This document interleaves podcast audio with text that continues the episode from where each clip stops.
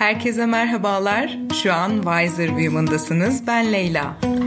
Wiser Medya ile beraber hazırladığımız bu interaktif podcast serisinde ilham veren kadınların öğrenme ile ilgili yolculuklarına tanıklık edeceğiz.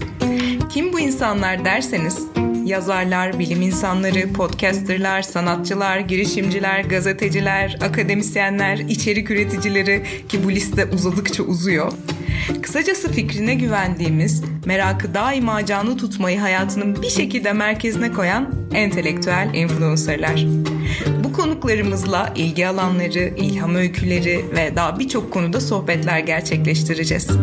Ve her biri bambaşka alanlardan kişiler olduğu için aslında her bölümde bambaşka bir şey konuşuyor olacağız. Hazırsanız başlayalım. Wiser Women Podcast serisine hepiniz hoş geldiniz.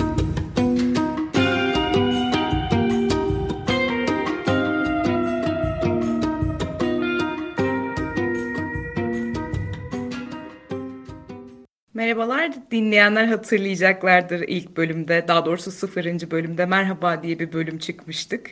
Ben orada kendimce şunu tartışmaya açmaya çalışmıştım aslında. Evet kadın fizikçi, kadın şoför, kadın bilmem ne bu title'ların önüne kadın getirilmesi doğası gereği can sıkıcıdır.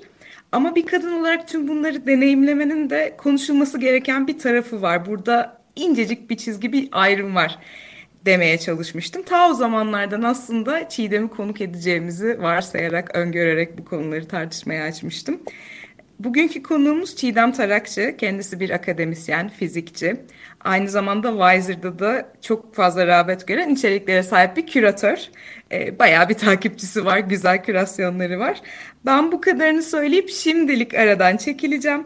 Daha fazlasını öğrenmek için sözü kendisine devrediyorum. Öncelikle seni tanıyalım Çiğdem. Eğitim sürecin, kariyerin, ilgi alanları nasıl ilerledi ve şu sıralar neler yapıyorsun? Tabii.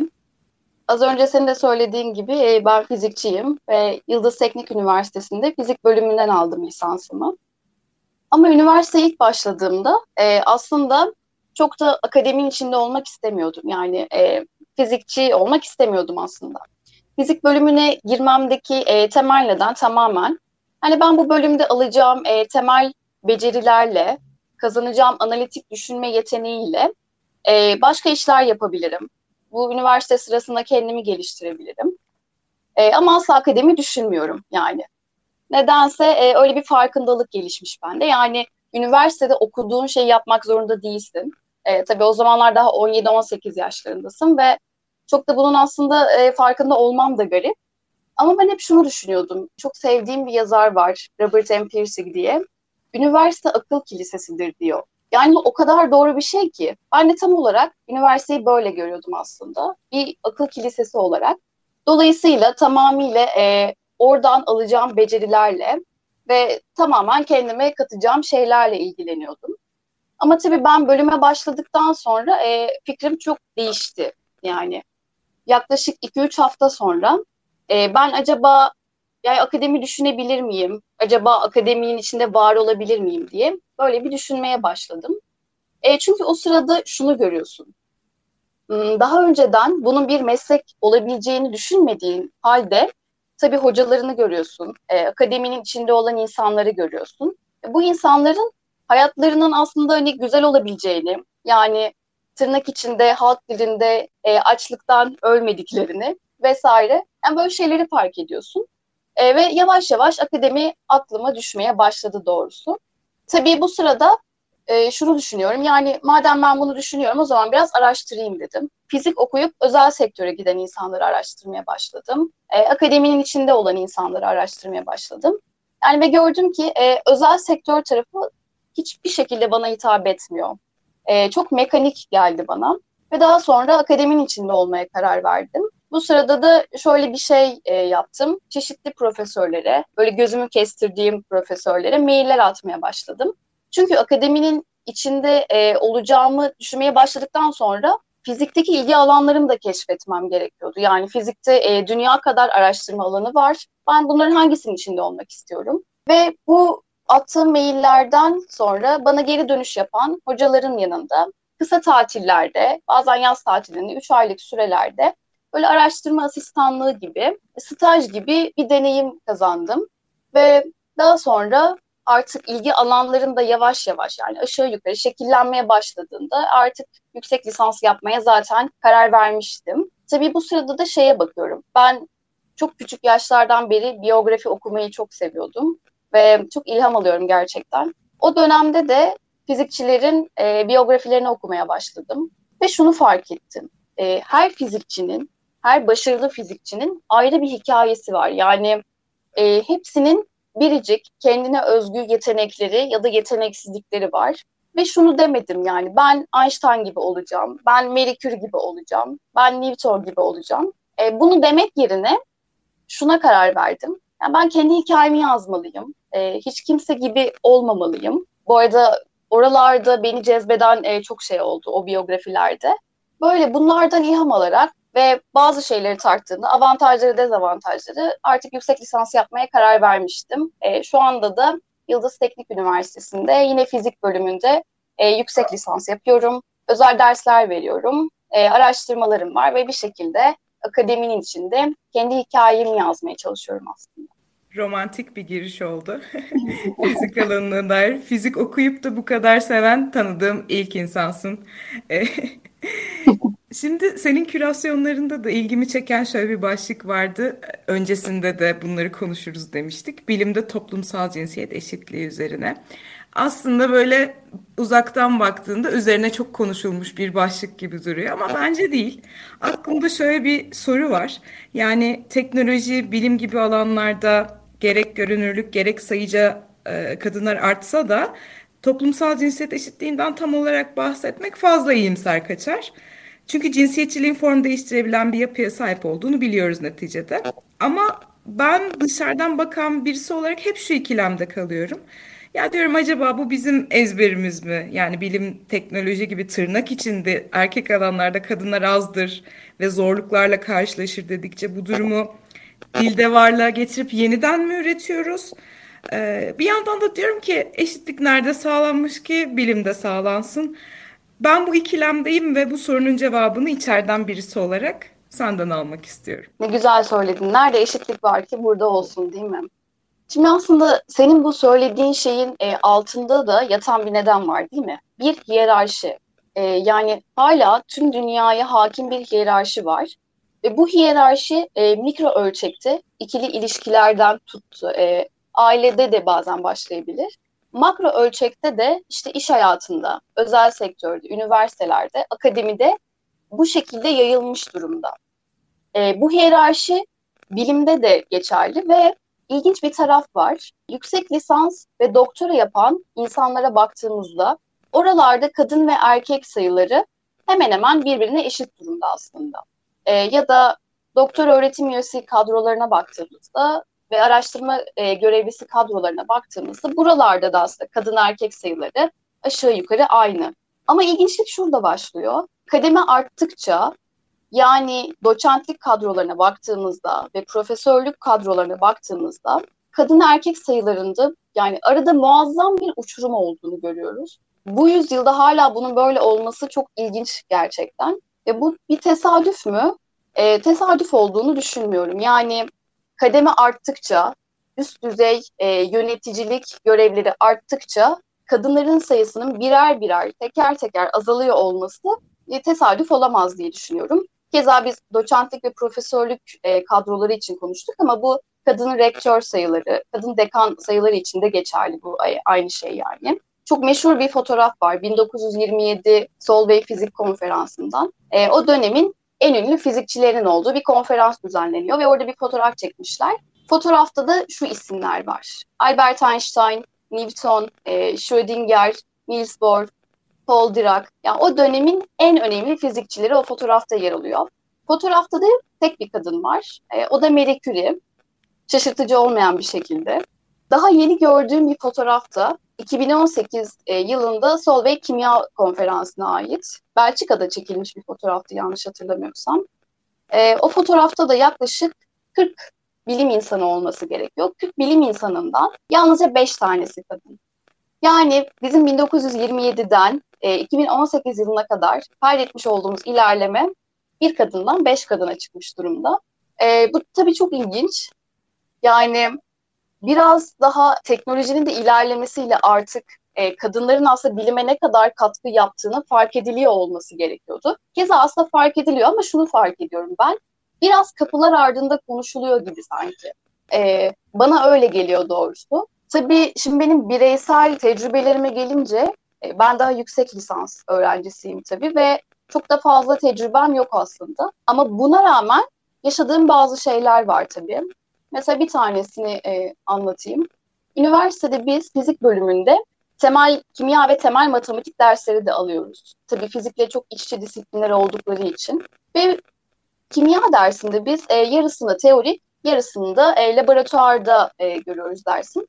Laboratuvar derslerinde bir hoca oluyor bizim başımızda ve bize deneyler yaptırıyor. Bu deneylerden bir tanesinde biz çözeltilerle çalışıyorduk tabii. Çok derişik olmayan çözeltilerle çalışıyorduk. Yani e, deriyle temas ettiğinde deriye zarar vermeyecek şekilde. Yani herhangi bir e, zarar vermeyen çözeltilerle çalışıyorduk. O deneyde de iki çözelti var işte birkaç tane çözelti var ve hoca bana dedi ki işte atıyorum sağda bir çözelti var, solda bir çözelti var. Bunların ikisini karıştır dedi. Sonra onları işte birbiri içine karıştırdım. Biraz da homojen olması için e, biraz da sallamam gerektiğini söyledi. Sonra ben onu sallarken karışımı hoca bir anda e, şöyle geldi. Ne kadar nazik nazik salladın ya dedi ve elimden aldı. Kendisi yapmaya başladı. Yani tabii çok utandım yani çünkü arkadaşlarım da vardı yanımda. O böyle üzerinden çok uzun zaman geçmiş olmasına rağmen benim böyle e, içimde tabiri caizse böyle ukde kalan bir şey oldu. Yani neden cevap vermedim gibi şeyler de söylüyorum bazen kendime. Neyse tabii şu an olsa tabii ki e, kendime göre kendimi orada ezdirmeyecek bir cevap verebilirim ama o zaman onu düşünemiyorsun tabii düşünememişim en azından. Böyle e, bir tane de üniversite sırasında yine e, gittiğim bir eğitim vardı. Yani işte bilimsel eğitim. O zamanlar çok revaçta konular vardı ve onun üzerine bilimsel e, eğitimler verip çekirdekten aslında bilim insanları yetiştirmeye çalışıyorlardı. Bu derslerden birinde e, bir işlem yaptı hoca, teorik bir işlem yaptı ve ben anlamadım yani. E, çok da o araları da atladığı için. Ve sonra tabii ders bitti. Ben gidip hocaya sordum. Bunu anlamadığımı söyledim ve bana yani anlattı, açıkladı ve sonrası şunu söyledi. Yani bu teorik fizikte çok sık yapılan çok basit bir şey dedi. Halbuki yani sana göre basit olabilir. Çünkü sen profesör olmuşsun ve yıllardır bunu yapıyorsun. Tabii ki sana göre basit olacak. Yani bu kadar bundan daha normal ne olabilir değil mi? Ama bana göre basit değil. Çünkü ben ilk defa karşılaştım onunla. Yani bu tür şeyler hoş değil tabii ve e, dikkat edilmesi gerektiğini düşünüyorum. Ama şöyle ilginç şeyler de oluyor. Yani biraz konudan konuya atlıyormuş gibi oluyorum ama dünyada garip bir şekilde pozitif ayrımcılığa giden yerler de var. E, mesela Hollanda'da bir üniversite, şu an adını hatırlayamadım, şunu açıkladı. 2024 yılına kadar üniversitedeki herhangi bir iş ilanına, iş e, pozisyonuna erkekleri almayacağını açıkladı. Onun dışında İsveç'te e, bir üniversite bir yazı yayınladı ve şunu söylediler. Mesela bir iş ilanı açıldı. E, o iş ilanına başvurular yapıldı ve mülakatlar yapılıyor. E, o mülakatlar sonucunda en yetkin kişinin cinsiyeti eğer erkek ise yani pozisyona en uygun kişi erkek ise e, iş ilanı kapatılıyor ve o beyefendi işe alınmıyor. E, yani böyle e, garip pozitif ayrımcılığa giden şeyler de var tabii dünyada. E, doğrudur, yanlıştır. Tabii bu tartışmaya açık bir konu. E, ama durum böyle Leyla. ya şimdi sen kişisel deneyimini anlatırken karşı taraf şey diyebilir. Ya olur böyle şeyler, iş hayatıdır falan ama Orada ne hissettiğini sen biliyorsun. Oradaki örtük imayı sen biliyorsun. Çünkü senelerce üst üste karşılaştığımız mevzular olduğu için o ikisinin ayırdığına varabiliyor insan ben o ufak bilgiyi evet. geçeyim yani. Oradaki evet. o ima çok belirgin bir şeydir. Deneyimleyen bilir diyeyim. Ee, sen de az önce aslında açtın gibi mevzusunu. Bu noktada tam olarak da bilim tarihinden bahsetmek gerekiyor belki de. Bu bugünün bir fotoğrafı. Ama bilimde kadının yerine biraz da tarihsel açıdan ele alırsak eskiden nasıldı ve şimdi nasıl gibi bir karşılaştırma yapabilir miyiz acaba? Ya da şöyle sorayım.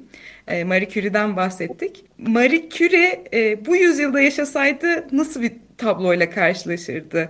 Yani 2022 yılında ne gibi tavizler, ne gibi eşikler ve ne gibi cam tavanlar var eskiye kıyasladığımızda? Senin ve tanıdıklarının deneyimi üzerinden gidelim istersen. Şimdi şöyle aslında, e, Marie Curie tabii bu yüzyılda yaşasaydı 2022 yılında en azından e, üniversitede profesörlük yapabilirdi. E, çünkü şöyle bir şey var. Marie Curie eşi Pierre Curie ile bir laboratuvar evet kurmuşlardı ve o laboratuvarda deneylerini yapabiliyordu. E, ama mesela Sorbonne Üniversitesi'nin derslerine Pierre Curie girebiliyordu. Yani Marie Curie ancak e, eşi Pierre Curie vefat ettikten sonra e, derslere girmeye başladı üniversitede. Yani şimdi şöyle bir kıyaslama yapmak istiyorum. Tabii ki bu yani kötünün iyisi durumuyla da bununla da övünmek istemiyorum. Yani o zamanlar derse bile giremiyorduk. E, şu an en azından derslere girebiliyoruz şeklinde. Böyle bir kıyaslama yapmak istemiyorum. Çünkü kadınlar o dönemde yani bırakın zaten üniversitede ders vermeyi, üniversitede eğitim almakta bile o kadar zorlanıyorlardı ki. Mesela karanlık maddeyi e, keşfetmiş bir bilim insanı var, Vera Rubin. Ve Vera Rubin üniversiteden mezun olduktan sonra lisansüstü eğitimlerine devam etmek istiyor. Çünkü bilim yapmak istiyor. E, ve Princeton Üniversitesi'ne başvuru yapıyor. Ama Princeton Üniversitesi o sıralarda lisansüstü eğitimlerine kadınları kabul etmiyor. Yani kabul etmemeyi bırak, e, şunu bile yapmıyorlar. Ders kataloğu istiyor, e, master ve doktora programlarına ait. Onu bile göndermiyorlar. Yani bu kadar ilginç. Artık ayrımcılığın dibe vurduğu bir nokta. Tabii mesela şunu da şu da çok garip. Ben elime bilim insanları ile ilgili ya da bilim tarihi ile ilgili bir kitap aldığımda e, orada gördüğüm isimler şunlar. Yine az önce e, fotoğraftaki isimlerle aynı edebilecek isimler tabii ki. Einstein, e, Newton, Schrödinger, Paul Dirac, e, şükürler olsun Marie Curie her kitapta yer alıyor. en azından onu göz ardı edemiyorlar. E, ama mesela Vera Rubin'i göremiyoruz işte. Karanlık maddenin keşfini yapmış yani. Ya da Maria Mitchell'i göremiyoruz. Maria Mitchell 1865 yılında ya ilk e, kadın astronomi profesörü olmuş biri. Ve o dönemde yani kadınların bırakın astronomi profesörü olmayı zaten az önce konuştuk ya üniversitede eğitim alması bile çok zor. Astronomi profesörü olmasının nedeni de nedir artık? Yani bunu da görmezden gelememişler herhalde. Maria adını verdiği bir teleskopla tamamen kendisinin geliştirdiği bir teleskopla e, kuyruklu yıldızı keşfediyor. Ve bu o dönem için tabii çok önemli bir buluş. Çünkü astronomide pek çok kavram bilinmiyor. Yani neredeyse hiçbir şey bilinmiyor. Hangi gök cisimleriyle ilgilendiklerini bile bilmiyorlar. Dolayısıyla Maria Mitchell o dönemde ki o dönemdeki teleskopların neden iyi olduğu da tartışılır. Bu kadar aslında ilkel diyeceğim. Teleskopla kuyruklu yıldızı keşfetmiş ve artık tabii ki görmezden gelememişler ve astronomi profesörü yapmışlar. Ama mesela e, bilim tarihi kitaplarında bundan da bahsedilmiyor. Yani ki kuyruklu yıldızın keşfi çok önemli bir şey. Ya da e, Rosalind Franklin'den bahsedilmiyor. Ki Rosalind Franklin DNA'nın keşfinde çok önemli bir isim aslında. Şimdi biz DNA'nın bugün bildiğimiz e, bu çift sarmal yapıda olduğunu kimin keşfettiğini biliyoruz. James Watson ve Francis Crick değil mi? James Watson ve, e, ve Francis Crick aslında bu keşfi Rosalind Franklin'in sayesinde yapıyorlar. Şöyle ki Rosalind Franklin e, bir deneysel metot geliştiriyor. DNA'nın moleküler yapısını yapısı ile ilgili. E, tamamen X ışınımı yöntemini kullanarak ve hiç etik olmayan bir şekilde yanındaki çalışma arkadaşı bu deneysel metotla elde ettiği bir fotoğrafı, bu da çok ünlü bir fotoğraf oldu tabii sonradan, James Watson'a götürüyor. Tabii James Watson çok şaşırıyor ve fotoğrafı gördüğünde şöyle bir şey söylüyor. O anda kalbim çok hızlı çarpmaya başladı çünkü tüm ayrıntılar o fotoğrafta görünüyordu diye.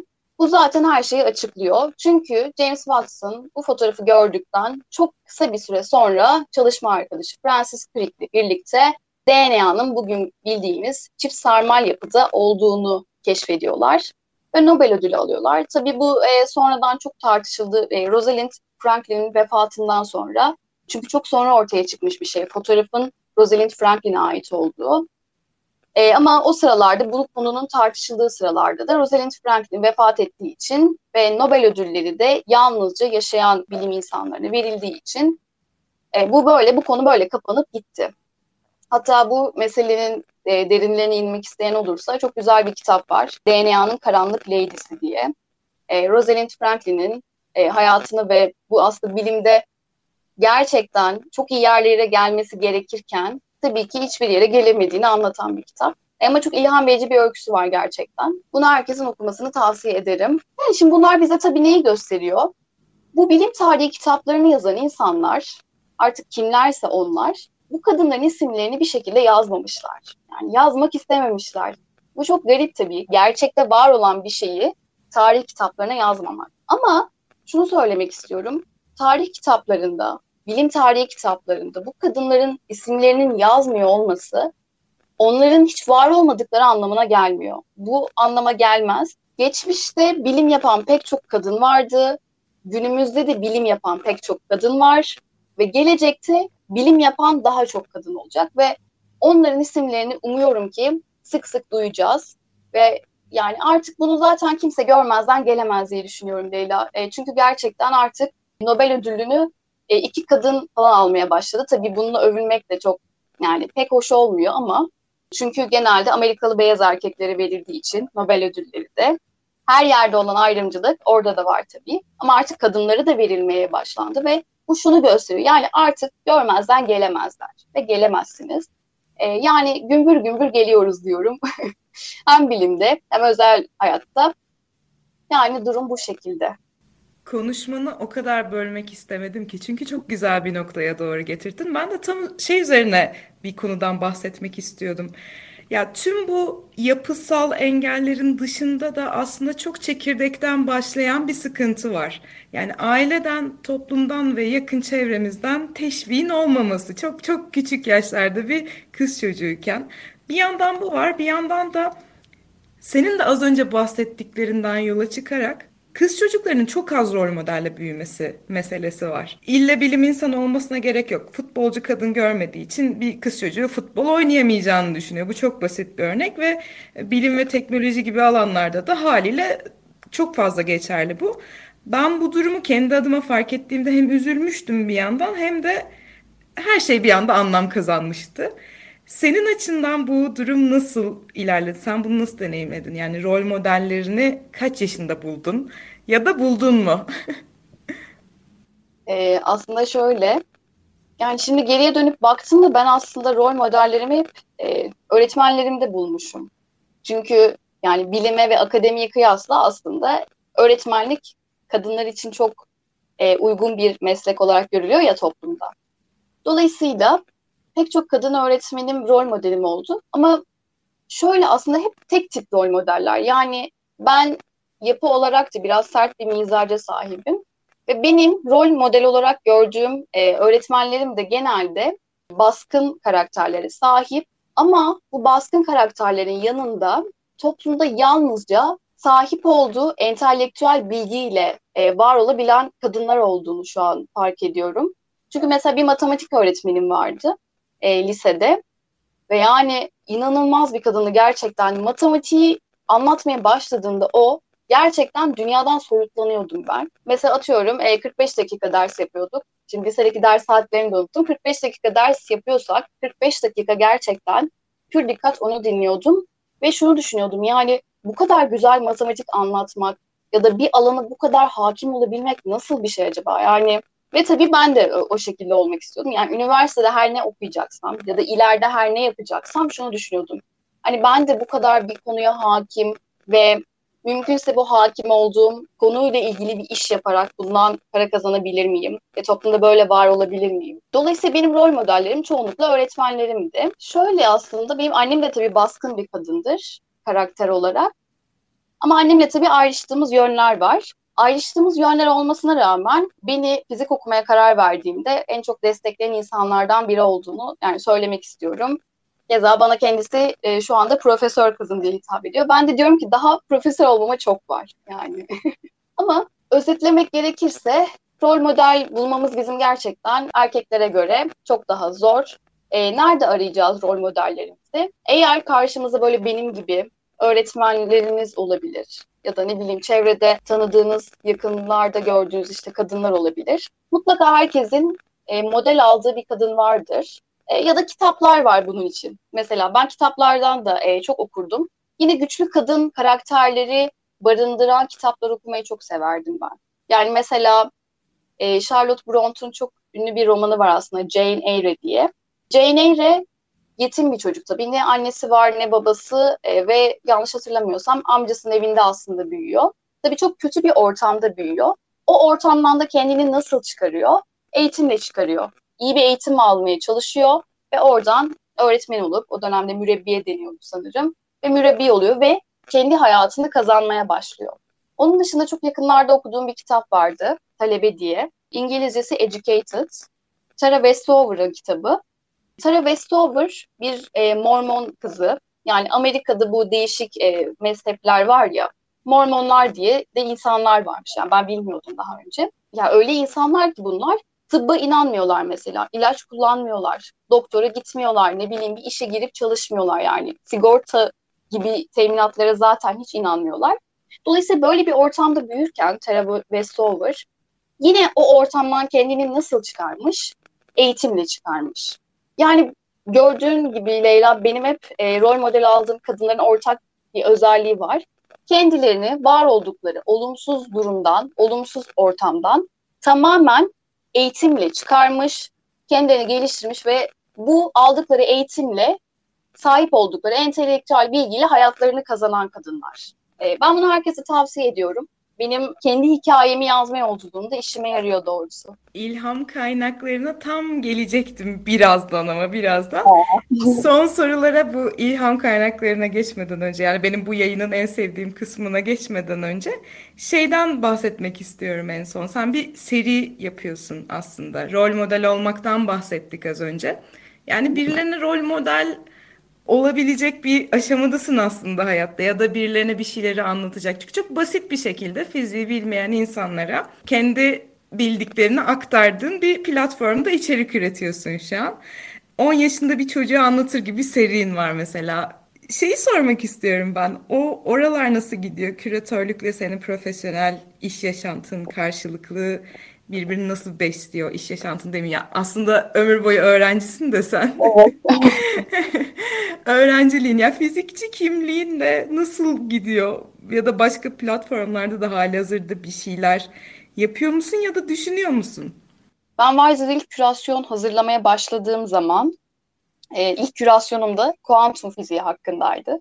Oldukça iddialı bir konuyla başlamışım. Şu an e, fark ediyorum. Amacım şuydu aslında bu popüler bilim konularına meraklı, yani nedir bu konular? Karanlık madde, karanlık enerji, e, Higgs bozonu, antimadde, kara delikler özellikle şu an e, çok revaçta olan ve kuantum bilgisayarlar konularında meraklı insanlar için onların anlayabileceği kaynakları e, derleyip toparlamak aslında amacım buydu.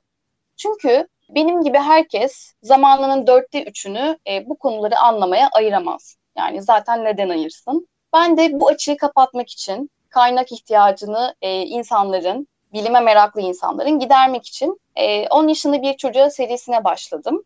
Ve kürasyonları hazırlarken özellikle şuna gerçekten dikkat ediyorum. E, herkesin anlayabileceği, fizikçi olmayan herkesin anlayabileceği e, metodik bir bilim eğitiminden geçmemiş insanların e, rahatlıkla okuyabileceği kaynakları bir araya getiriyorum aslında. E, bu benim kişisel gelişimim açısından da aslında e, çok faydalı oldu gerçekten. Çünkü ben de tabii ki uzmanlık alanım olmadığı için antimadde ile ilgili bir makale okuduğumda mesela çok rahat bir şekilde anlayamıyorum hemen okuduğum zaman. Ya da karanlık madde, madde hakkında, kara delikler hakkında vesaire. Dolayısıyla benim anlayabileceğim evet ama özellikle biraz daha iddiayı yukarı çıkartıp e, 10 yaşında bir çocuğun bile anlayabileceği e, kürasyonlar hazırlamaya çalışıyorum. E, çünkü bunlar tabii ben anlıyorum yani ben de mesela felsefe okumaları yaparken çok rahat geçmiyor benim için. Çünkü alanım değil, temel bilgilere sahip değilim. O yüzden çok temelden e, kaynakları paylaşmaya çalışıyorum. Profesyonel hayatımla nasıl gittiği hakkında da dediğim gibi yani bu beni hem kişisel açıdan çok geliştiriyor. Ben bunu kendi araştırmalarımda kullanmıyor olsam bile elbette e, hepsinin temelinde e, yatan belli temel yasalar var, temel fizik metotları var. E, bunları da tekrar tekrar bunlara maruz kalıyor olmam tabii ki benim açımdan e, çok faydalı oluyor.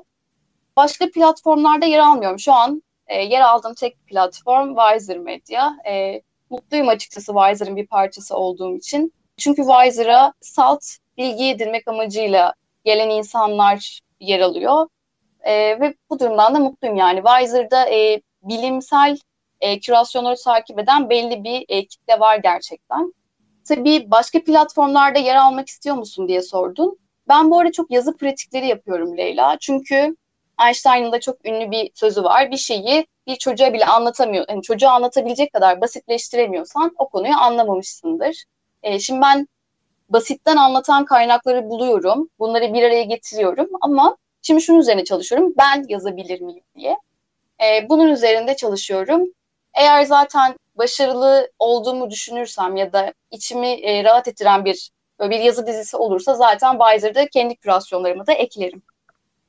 Harikasın, teşekkürler. Devamını dört gözle bekliyoruz kürasyonlarının.